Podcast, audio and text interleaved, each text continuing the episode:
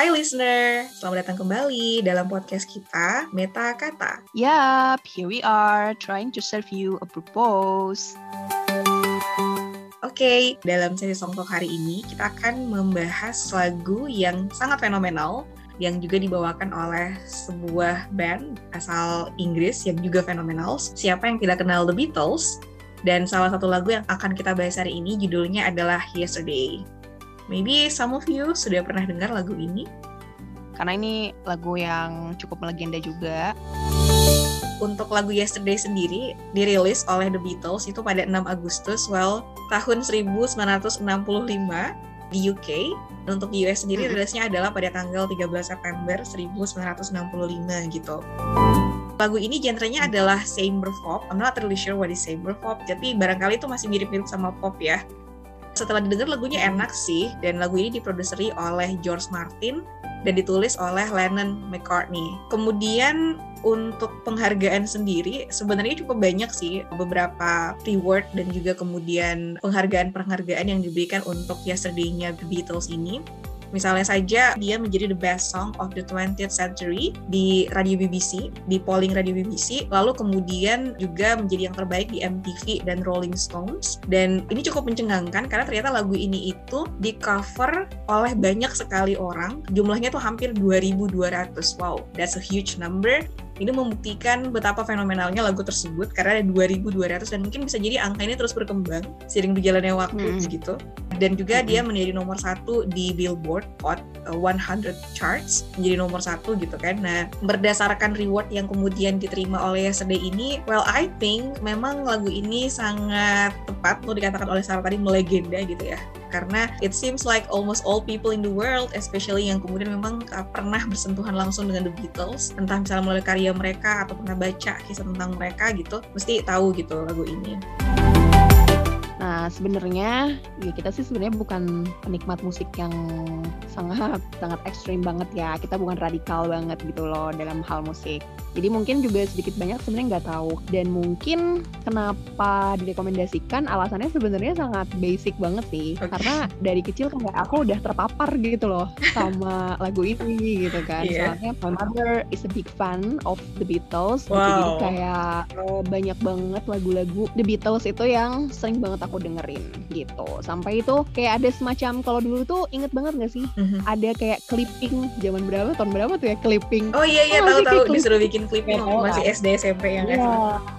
Bener, misalnya kita Jangan bilang kamu bikin clipping tentang The, The Beatles Bukan, bukan aku yang bikin, tapi oh. ibu aku Ibu aku bikin, jadi kayak Oh my God gitu, iya, jadi kayak koran-koran dulu atau majalah dulu itu terus dipotong-potongin terus udah gitu ditempel-tempelin di buku. Ya nah, sekarang tuh bukunya masih ada gitu loh. Iya, terus gitu ditempel. Jadi misalnya kayak ada kayak ada berita apa gitu kan ya. Terus ada cuma fotonya doang biasa gitu kan. Mm -hmm. Karena kan dulu belum ada internet ya. Jadi kayak langka banget gitu mau ngeliatin fotonya Paul McCartney misalnya kayak gimana gitu. Yeah, yeah. Lucu-lucu lah pokoknya. Jadi kayak gimana cara orang dulu untuk menyampaikan atau mengekspresikan kegembiraannya mereka atau misalnya kekagumannya mereka sama sama sesuatu tuh menurut aku menarik sih. Gak tau yeah. ya mungkin karena aku kayak stylenya old juga. Jadi kayak beberapa musik-musik juga aku ngerasa kayak lebih nyaman ngedengerin yang old style gitu. Selain itu juga karena lirik-lirik yang di old style itu kan mereka lebih interaktif. Terus kalau misalnya dibandingin sama yang sekarang mungkin lirik-liriknya lebih ke arah cinta yang erotis kayak gitu kan. Ya. Uh, sakit hati gitu kan patah hati iya gitu. sakit hati patah uh -uh. hati. Tapi sebenarnya juga lagu-lagu dulu juga ada kan tentang patah hati. Ya, ya cuman cara uh, mengungkapkannya kali yang berbeda gitu. Uh, uh, cara mengungkapkannya berbeda dan gimana ya? Maksudnya tidak yang kalau aku sih melihatnya justru sekarang lebih banyak ya itu sih lirik-lirik yang emang secara ya apakah itu implisit atau eksplisit tuh dia menceritakan tentang sesuatu yang kaitannya sesuatu yang erotis gitu loh hmm. cintanya tuh. Oh, bukan cinta yang romantis gimana gitu kan. Yesterday ini tuh ternyata juga punya cerita di balik penyusunan si lagunya itu dan kayak oh. ceritanya menurut aku juga random banget gitu kan jadi ceritanya tuh uh-huh. si Paul McCartney itu salah satu dari personil uh, Beatles, Beatles.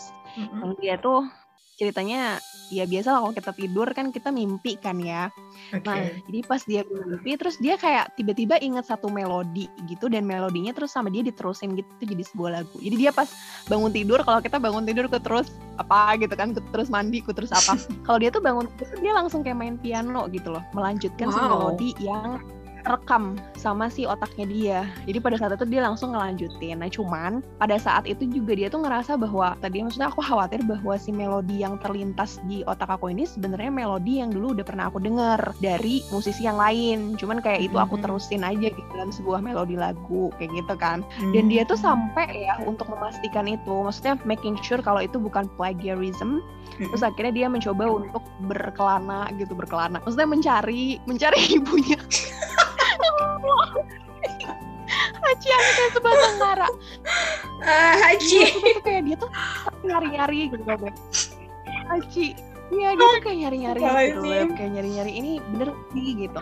Just for making sure gitu loh that the song itu is original gitu. Jadi mm -hmm. segitunya ya. Kalau yang aku aku yang aku sebagai orang awam musik sih aku ngelihat itu sebagai salah satu bentuk totalitas juga ya dalam bermusik. Karena seseorang yang kemudian dia menciptakan Kayaknya suatu karya dia tuh udah me, apa ya mendarah daging gitu loh kayak jiwa musisinya gitu kan. Sampai kayak tidur pun dia yeah. bisa dapat inspirasi dan jadi lagu. Wow. Uh, uh, uh, uh, uh, kayak gitu nah jadi itu salah satu bentuk totalitas sih kalau aku ngelihatnya karena dengan cara seperti itu dia berarti kan juga harus bertanggung jawab kan sama karya yang kemudian dia buat kayak gitu makanya mm -hmm. dia mencoba untuk memastikan nih bahwa si lagu yang melodi ya melodinya itu yang terlintas waktu dia bangun tidur tuh bukan karena dia pernah ngedenger satu melodi di musisi yang lain kayak gitu mm -hmm. baru dia berani untuk publish nih si Yesterday ini sebagai lagu The Beatles kayak gitu. Nah Jadi itu tuh dia cerita memperhatikan di ini ya originalitas gitu. Originalitas dia memperhatikan banget ya. Mungkin itu juga salah satu hal yang patut ditiru ya. Karena mungkin mm-hmm. semakin ke sini kayak kamu semakin gak sih ngelihat kayak ada musisi-musisi yang dia punya konflik tentang uh, yeah, soal, originalitas. Betul. Kan? Uh, gitu. Jadi ya memang untuk membuat suatu karya tuh ada tanggung jawab besar juga yang kemudian harus di harus dibebankan dan itu harus disadari gitu loh oleh semua orang ya termasuk di sini musisi. Nah terus kalau aku aku kayak aku langsung relate tuh dengan ini. Jadi pada saat itu kan dia kayak memastikan bahwasannya si melodinya itu bukan melodi yang pernah dia denger dari uh, musisi lain kan. Terus mm -hmm. terus kenapa ya? Aku kayak mikir. Nah, terus aku menghubungkan tuh sama ada satu teori di psikologi kan. Tapi oh, okay. psikologi koko uh, tentang teori aktivasi sintesa. Uh, ini jadi kayak ini banget ya. Jadi kayak serius banget. Jadi si teori itu kayak menjelaskan tentang mimpi gitu. Kan mimpi itu sebenarnya sesuatu yang misterius ya. Hmm. Dan mimpi itu tuh banyak juga mengundang para committee untuk kemudian mereka tuh bisa mengetahui sebenarnya mimpi itu sebagai suatu refleksi tentang apa sih pada manusia gitu karena mereka tuh percaya kalau yang namanya mimpi itu terjadi tidak dengan begitu saja tapi kayak di-trigger sama sesuatu gitu loh mm-hmm. nah terus akhirnya para peneliti-peneliti di bidang perilaku ini tuh mulai mencoba lah untuk menguak kenapa gitu ya salah satunya adalah karena mimpi itu tuh sebenarnya adalah salah satu bentuk dari representasi emosi gitu loh oh. emosi manusia yang didapatkan sebelum dia itu tidur jadi ketika okay. kemudian kita tidur kan kita melakukan banyak aktivitas kan. Misalnya kita belajar kita ngajar kita jalan-jalan atau apa. Nah setiap aktivitas bahkan yang kemudian mengundang bentuk interaksi dengan manusia yang lain itu kan biasanya membuat kita juga jadi stres kan. Kadang-kadang ya lebih stres daripada umumnya karena kita harus berinteraksi dengan banyak hal. Bahkan kepada benda pun juga itu banyak membuat kita stres gitu Nah, jadi dengan kemudian si stres-stres itu itu salah satu bentuk dari emosi-emosi yang bermunculan kan. Dan ketika emosi-emosi itu bermunculan, apalagi ketika dia nggak bisa disalurkan dengan baik, kayak gitu kan tidak terdeliver lah dengan baik. Terus pada akhirnya itu tuh kayak di-repress gitu loh ke dalam uh, alam bawah sadar kita. Terus okay. di akhirnya itu yang kemudian nanti direkam gitu loh sama otak dan itu yang hmm. akan dimunculkan pada saat kita tertidur. Jadi ketika kita tidur, ketika kita bermimpi, nah otak tuh kayak akan menembakkan apa namanya tuh kayak uh, experience experience yang ber yang berbentuk emosi-emosi tadi gitu yang sebelumnya kita dapatkan itu dalam bentuk yang random gitu loh. Jadi makanya kenapa kalau kalau kita mimpi kan pasti mimpinya nggak pernah nyambung kan gitu loh. Karena memang ya begitulah gitu loh si otak tadi itu akan mencoba untuk melakukannya secara random gitu. Oh iya kayak kayak awalnya tuh uh, apa kita misalnya lagi ngapain gitu kan terus tiba-tiba kayak di tempat yang berbeda lagi orang baru lagi gitu. Kayak random iya, sih bener. ya random banget kan. Nah jadi aku bisa memahami sih pada saat itu tuh kenapa sih Paul McCartney merasa bahwa dia harus making sure gitu loh kalau itu emang origin karena mungkin ya bisa jadi kalau dikaitkan dengan si teori psikologi ini bisa jadi ketika kemudian itu terbawa ke dalam mimpinya oke okay lah mm -hmm. let's say misalnya itu ada melodi yang pernah dia dengar gitu kan mm -hmm. berarti kan itu adalah salah satu bentuk representasi emosi yang kemudian pernah dia alami gitu kan pada saat dia melakukan aktivitas sebelum tidur gitu dan itu terbawa pada saat dia bermimpi nah dia khawatir bahwasanya dia tuh salah gitu tentang itu. Makanya dia mencoba untuk making sure supaya dia tidak terjebak ke dalam otak yang kemudian nantinya mengarahkan dia kepada perilaku yang tricky gitu loh yang akan membuat dia jadinya bimbang. Ini sebenarnya bener nggak sih aku atau hasil dari pemikiranku sendiri? Atau mungkin itu hanya representasi emosi ketika aku mendengarkan orang lain melantunkan melodi itu kayak gitu. Gitu sih iya. sebenarnya yeah. ternyata ada ada background seperti itu ya.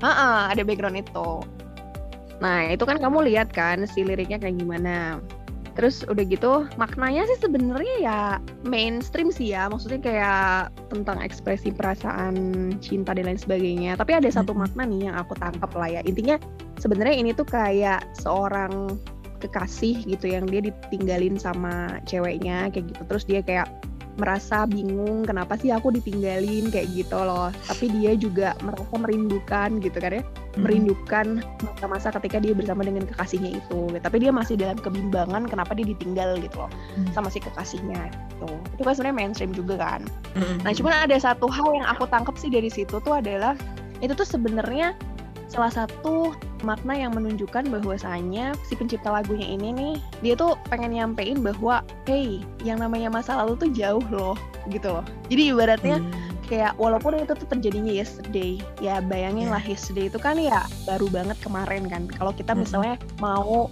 mengkuantifikasinya dalam jarak angka, waktu angka. berapa jam yang lalu kan gitu nah cuman tetap aja itu kan tergolongnya ke dalam masa lalu kan including the past gitu kan.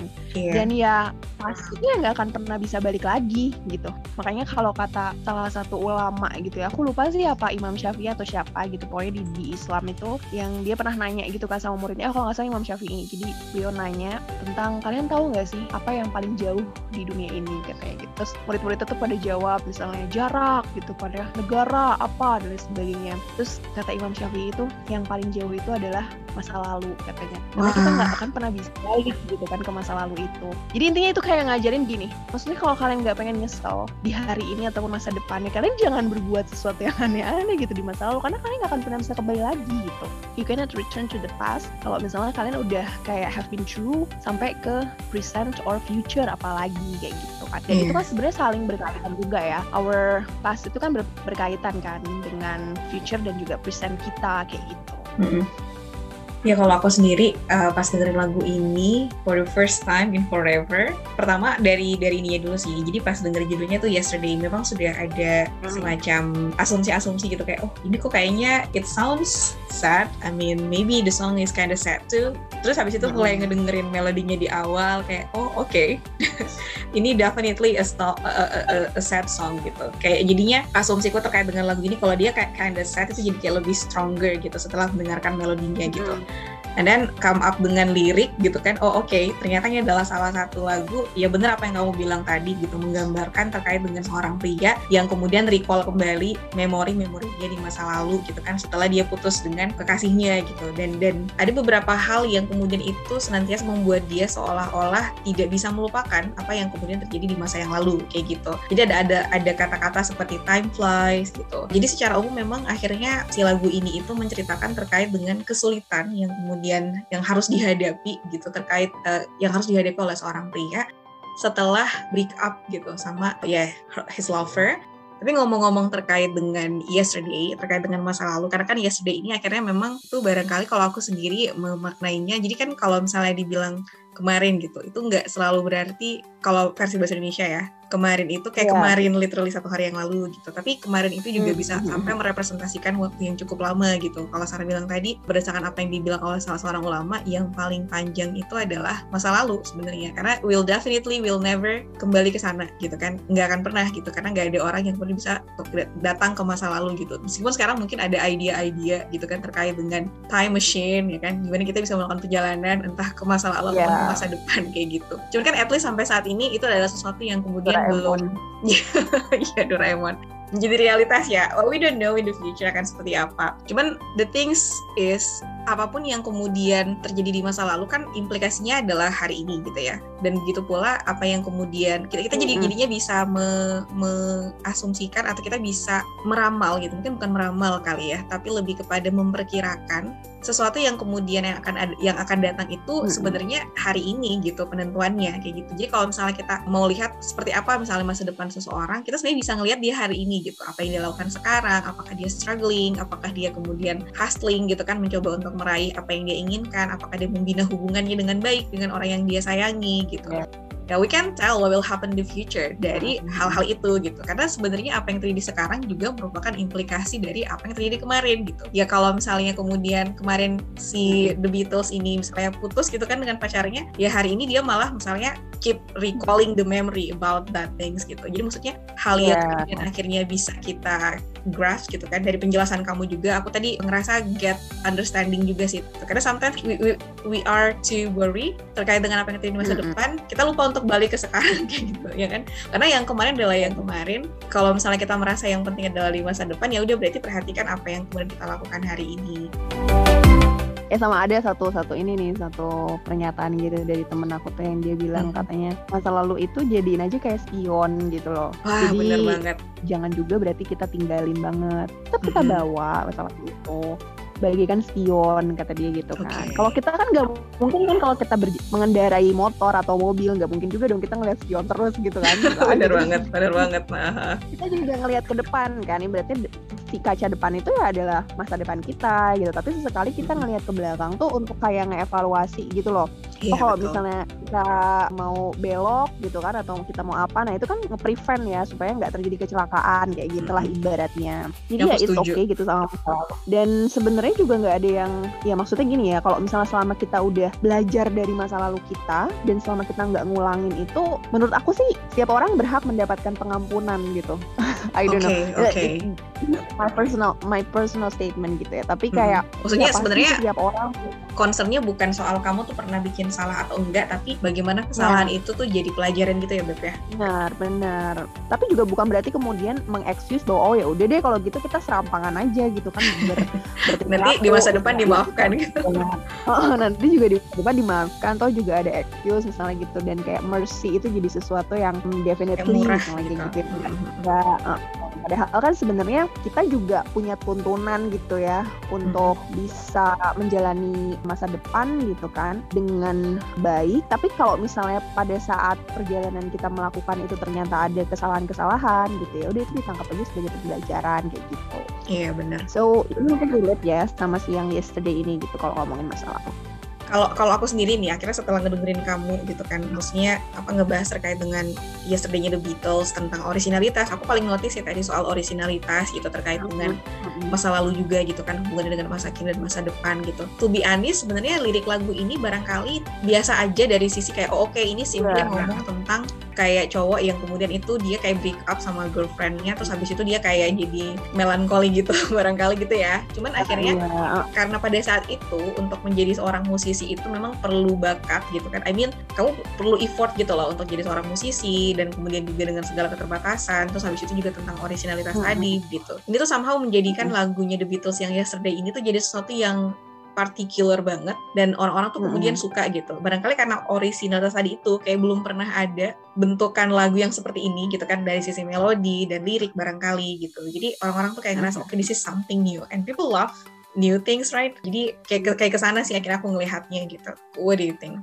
Iya bener-bener. Maksudnya jadi membuat orang tuh kayak lebih interest juga ya mm-hmm. dan ngerasa kayak oh itu kayak different gitu kan sama yang lain iya. gitu kan bahkan kan kamu bilang sampai nunggu-nunggu gitu kan kayak oh oke okay, nggak ada nih yang sama ya kan bahkan sampai kayak gitu gitu loh padahal kalau dia mau ya udah dia yeah. hanya launch aja nanti kalau ada ternyata yang sama lah kan saya duluan launching kayak gitu kan ya. Eh tapi nggak nunggu juga. Maksudnya dia secara aktif mencari gitu loh. Dia secara aktif oh, iya, mencari oh, oh, oh. apakah kemudian ada musisi yang memang udah pernah gitu mm -hmm. mempublish melodi ini gitu yeah, kan. bener tapi kita jadi tahu ya maksudnya kayak wow e-boardnya ternyata luar biasa yeah, ya. Iya, how amazing e-board gitu loh. Uh-uh. yang mereka curahkan untuk buat satu lagu itu tuh kayaknya wah berat juga ya gitu jadi kayak mereka tuh bener-bener dedicated dengan profesi yang mereka punya sih. Jadi kayak ini kayak nilainya tuh kayak being dedicated is important. Kalau misalnya kita play a role gitu kan, entah sebagai musician mm-hmm. atau mungkin kayak role-role yang lain gitu. Being dedicated itu tuh penting banget gitu. Iya benar.